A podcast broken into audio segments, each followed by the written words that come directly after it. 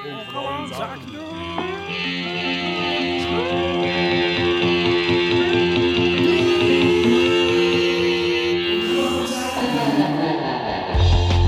Fijn dat je er bent. Mijn naam is Sven Oinsen en dit is Ongewoon Zaken doen.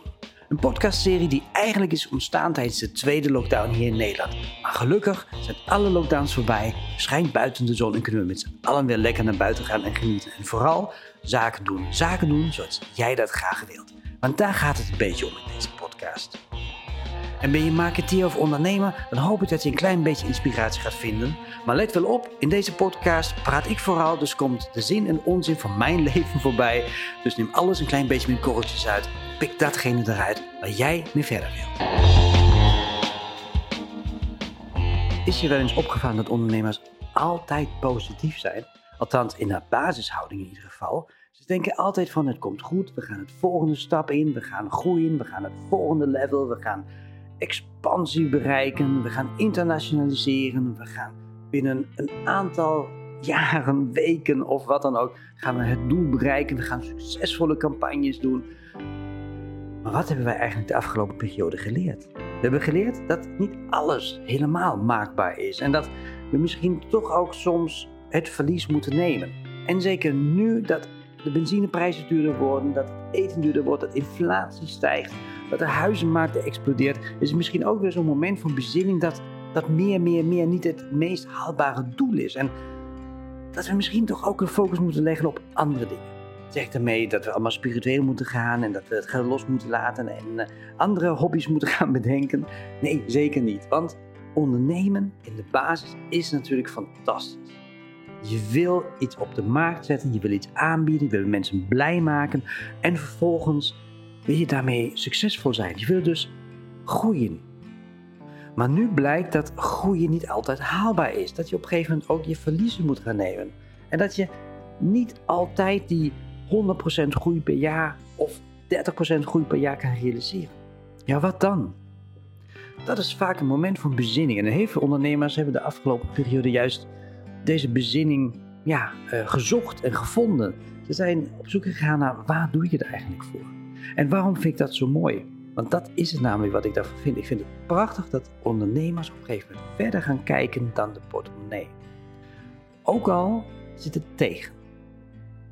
En dat verder kijken, dat is normaal gesproken iets wat je doet op het moment dat je van, ja, wat ga ik nou weer bedenken? Wat ga ik nou weer doen? Hoe ga ik nou hè, mijn, mijn drift om te ondernemen daadwerkelijk verder gaan uitbouwen? Maar ook als het niet goed gaat, is het juist het moment om even te kijken van, hé, hey, wat doe je het eigenlijk allemaal voor? Wat wil ik eigenlijk bereiken? En wat zijn de drijfveren waarom ik datgene doe wat ik doe? En waar worden de mensen blij van met hetgene wat ik hun aanbied? En het extra mooie daarvan is dat daarin ook heel vaak de oorsprong zit waarom je überhaupt bent gaan ondernemen. Namelijk waarom je het echt doet. En dat was niet alleen maar voor het geld. Althans, ik durf te zeggen voor 99,9% van alle ondernemers was geld een ja, belangrijk aanvulling op het doel waarom je het doet. Ja, en wat kun je hier nou mee? Wat kun je mee? Dat, dat is blijkt toch de grote vraag. Eigenlijk is het de inspiratie voor vandaag. De inspiratie voor vandaag gaat erover. Wat zou je eigenlijk willen doen als, als je helemaal opnieuw moet beginnen? Als je alles nog een keertje los moet laten. Als je al je zekerheden los moet laten. Maar ook je verantwoordelijkheden en je verplichtingen los kunt laten. Wat zou je dan nu vandaag daadwerkelijk doen?